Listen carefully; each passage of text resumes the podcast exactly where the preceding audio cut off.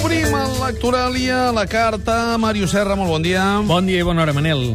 Van arribant les consultes, per exemple, diu Màrius, per què no em recomanes alguna lectura que sigui una oda a la natura, similar als llibres de John Muir? Moltes gràcies per tot i visca el Barça, diu el David des de Manlleu. Una cosa no treu l'altra, i tant. Nosaltres ja donarem eh, lectures alternatives, diguem, però també es pot llegir amb un ull posat a la pantalla aquesta nit. A veure, John Muir era un uh, autor, un poeta anglès de, de tombants del 19 al, al 20. Mm, això entenc que vol dir que al David de Manlleu li agrada la poesia o li agrada eh, especialment referida a la natura. Jo el recomanaria Walt Whitman, el poeta nord-americà, també potser algun llibre del Gerald Darrell, el naturalista amateur que li deien, però ja posats a portar l'aigua cap al nostre molí, eh, en destacaria un autor català, en Pere Jaume, contemporani, i especialment dos poemaris, com ara Obreda, amb bo, eh, com d'obra, mm -hmm. obreda, o bé uisme, també amb bo, O-I-S-M-E. En Pere Jaume, com a artista, diguem, plàstic... Espectacular. I, I també com a poeta, és a dir, quan escriu té una simbiosi amb la natura, eh, de fet en fa del, del paisatge un llenguatge i, en certa mesura, és una revisitació d'aquests eh, eh, coetanis del John Muir que fa 100 anys eh, tenien una relació tan estreta amb la natura. Ens van arribant les peticions a través de catradio.cat barra en directe, també a través del 932017474. Diu, moltes gràcies, el cas és que voldria saber el nom i l'autor d'un llibre del que n'heu parlat per aquí algun cop, és actual i crec que és Premi Sant Jordi o alguna mm. cosa així. L'única cosa que sé del cert és que està escrit en català no normatiu, en català del carrer, i tinc curiositat per llegir-lo. Espero haver donat prou dades perquè m'entengueu. Merci. Això ens diu l'Arnaldus i crec que està parlant del llibre del Ramon Solsona. Clarament, eh, no és gaire enigmàtica la, la seva petició. És el Premi Sant Jordi i, per tant, serà un dels llibres que més eh, circularà aquest Sant Jordi. Eh, L'ús eh, es diu L'home de la maleta, eh, és la novel·la del Ramon Solsona que explica la història d'un músic eh, eh, per entendre'ns, d'orquestra eh, davant, ja des de les seves vellúries, quan es queda vidu i va vivint de filla en filla, davant del nou món, eh, de l'electrificació, d'aquests grenyuts eh, que porten guitarres elèctriques i tot plegat. No? Eh, bé, és una novel·la que, de la qual s'ha destacat aquest ús del català no normatiu, un català, diguem, un barceloní, eh, xava, però tanmateix molt i molt genuí, però jo crec que aquest, eh, diguem, aquests arbres no ens haurien de fer perdre el bosc és una novel·la de construcció d'un personatge, és una novel·la en la qual, més enllà d'aquests usos lingüístics, dona, fa molt de plaer entrar-hi perquè descriu un món... Eh, el personatge està francament ben dibuixat, les relacions amb les seves filles, diguem, eh, són, són diverses, les filles també, les tres, tenen uns perfils diferents, i en tot cas jo crec que serà, sens dubte, una de les novel·les d'aquest Sant Jordi, L'home de la maleta, Ramon Solsona. 932017474. Més ràpid ha estat Claustre, bon dia. Bon dia. Bon dia, T'escoltem. Val, jo volia un, que m'aconselléssiu per un llibre per la meva filla, que té 25 anys, li agrada el ioga i uh -huh. és dissenyadora gràfica.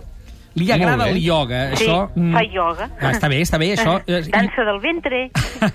S'intueix, doncs, que deu tenir 25 un, anys. un esperit tranquil, eh?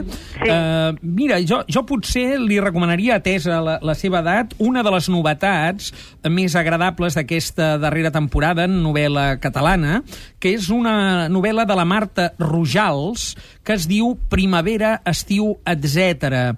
Aquesta és una novel·la que està trobant els seus, eh, diguem, lectors i que l'única crítica que suscita justament és que té un ritme eh, no, no pas trepidant.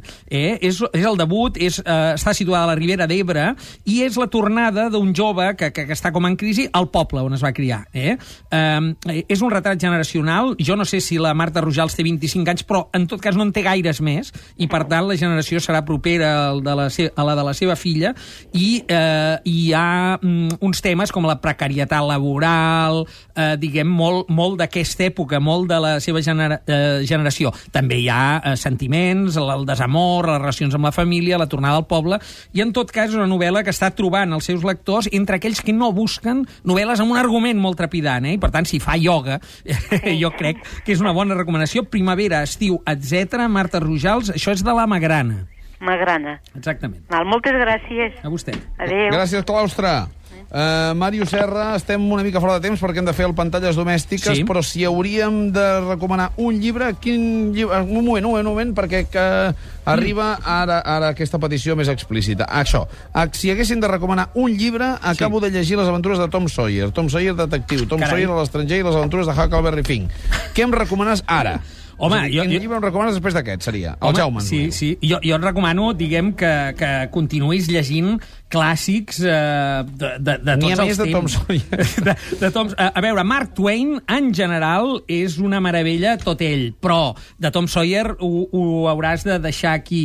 Jo potser et recomanaria que ara eh, s'estan traduint al català totes les de Enid Blyton, eh, que són aquella autora, això ja, eh, ja que ens en anem, diguem, al passat, és aquella autora que tenia els Hollister, els Cinc, totes aquelles novel·les de, de colla, de pandilla. Això s'està traduint a l'editorial Moll de Mallorca Mhm. i es pot trobar, per tant, en el mercat d'una manera molt i molt accessible. També, eh, Per aquí té una, altra, doncs. una via, també, eh? El Jaume Sí, i la Georgina diu m'agradaria saber quin llibre puc comprar per algú que té com a preferit La conjura de los necios, de Tull. Gràcies. Ah, del Kennedy Tool, eh, la Conxorxa d'Enzes.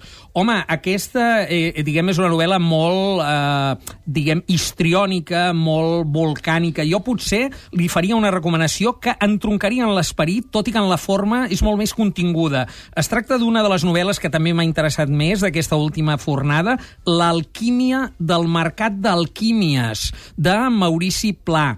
Eh, aquesta és una novel·la editada a Quaderns Crema, eh, de la qual vam parlar des del Lectoràlia, i que entronca una mica en l'esperit eh, eh, així heterodox eh, del Kennedy uh -huh. Toole, però mm, d'una manera molt més senyida. Eh? Tenim eh, l'art contemporani, eh, tenim un dibuix del Paul que, de, sobre el qual es trafica, tenim unes drogues eh, estranyes, eh, eh, que dissipaïnes es diuen, i, en definitiva, tenim tot aquest univers transgressor, però molt contingut, i una novel·la hipnòtica, eh? molt breu. Eh, una novel·la que es pot llegir en dues hores. L'alquímia del mercat d'alquímies del Maurici Pla, Quaderns Crema. Ja espero que el Vidal i el Lucena em perdonin, però donem pas a l'Eduard, des de Barcelona. Eduard, bon dia. Sí, hola, bon dia. Bon dia. L'última, l'última, què ens Sí. demanes? Um, bueno, aviam on es pot aconseguir Mm. mm. el llibre de la Maria Aurelia Campmany, Uf. que fa molts anys és escrit, sí. Què diablos és Catalunya? Originàriament en castellà. Clar, aquí, eh, o sigui, això no està reeditat, que a mi em consti, eh, diguem, gaire recentment, de manera que jo, en aquest cas, sempre recomano una passada o una informació per als eh, llibreters de vell i el meu consell molt més directe, eh, a través de les pantalles, és que busqueu un buscador de llibreters de vell que es diu AB Books, ABE Books, que és una mena d'Amazon. Aquí estan connectades totes les llibreries de vell, eh, o un bon nombre de llibreries de vell del món, i posant el títol exacte trobareu a quin establiment eh, us posa a la vostra disposició un exemplar d'aquest llibre que probablement, eh, bé, probablement que és exaurit i que no em consta que cap editor hagi reeditat per aquest Sant Jordi. I Molt bé, sí, doncs moltes gràcies. A vostè. Gràcies per trucar, bon Eduard. I la Cristina des de Palafrugell diu, em podeu recomanar un bon llibre de la història de Catalunya que estigui publicat en castellà? Home, Uh, jo, jo penso que la història de Catalunya de Rovira i Virgili està publicat en castellà, uh, això ho hauríem, ho hauríem de recercar. Uh, Ja. En tot cas, de les obres de Paul Preston uh, hi ha sempre edicions també en castellà sobre la Guerra Civil i que ens vinculen, diguem, a la història de Catalunya. Jo crec que justament en aquest cas les seccions de les molt bones, de les bones llibreries, les seccions d'història, tenen obres de referència fàcilment accessibles i totes elles estan sempre, acostumen a estar traduïdes al castellà, sí.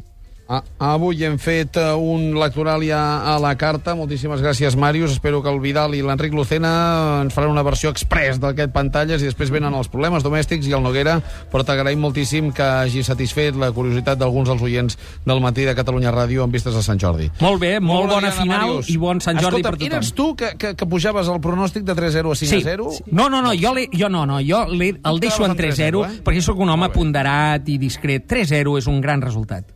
Doncs una petita pausa i arriben el Pantalles domèstiques i els problemes domèstics.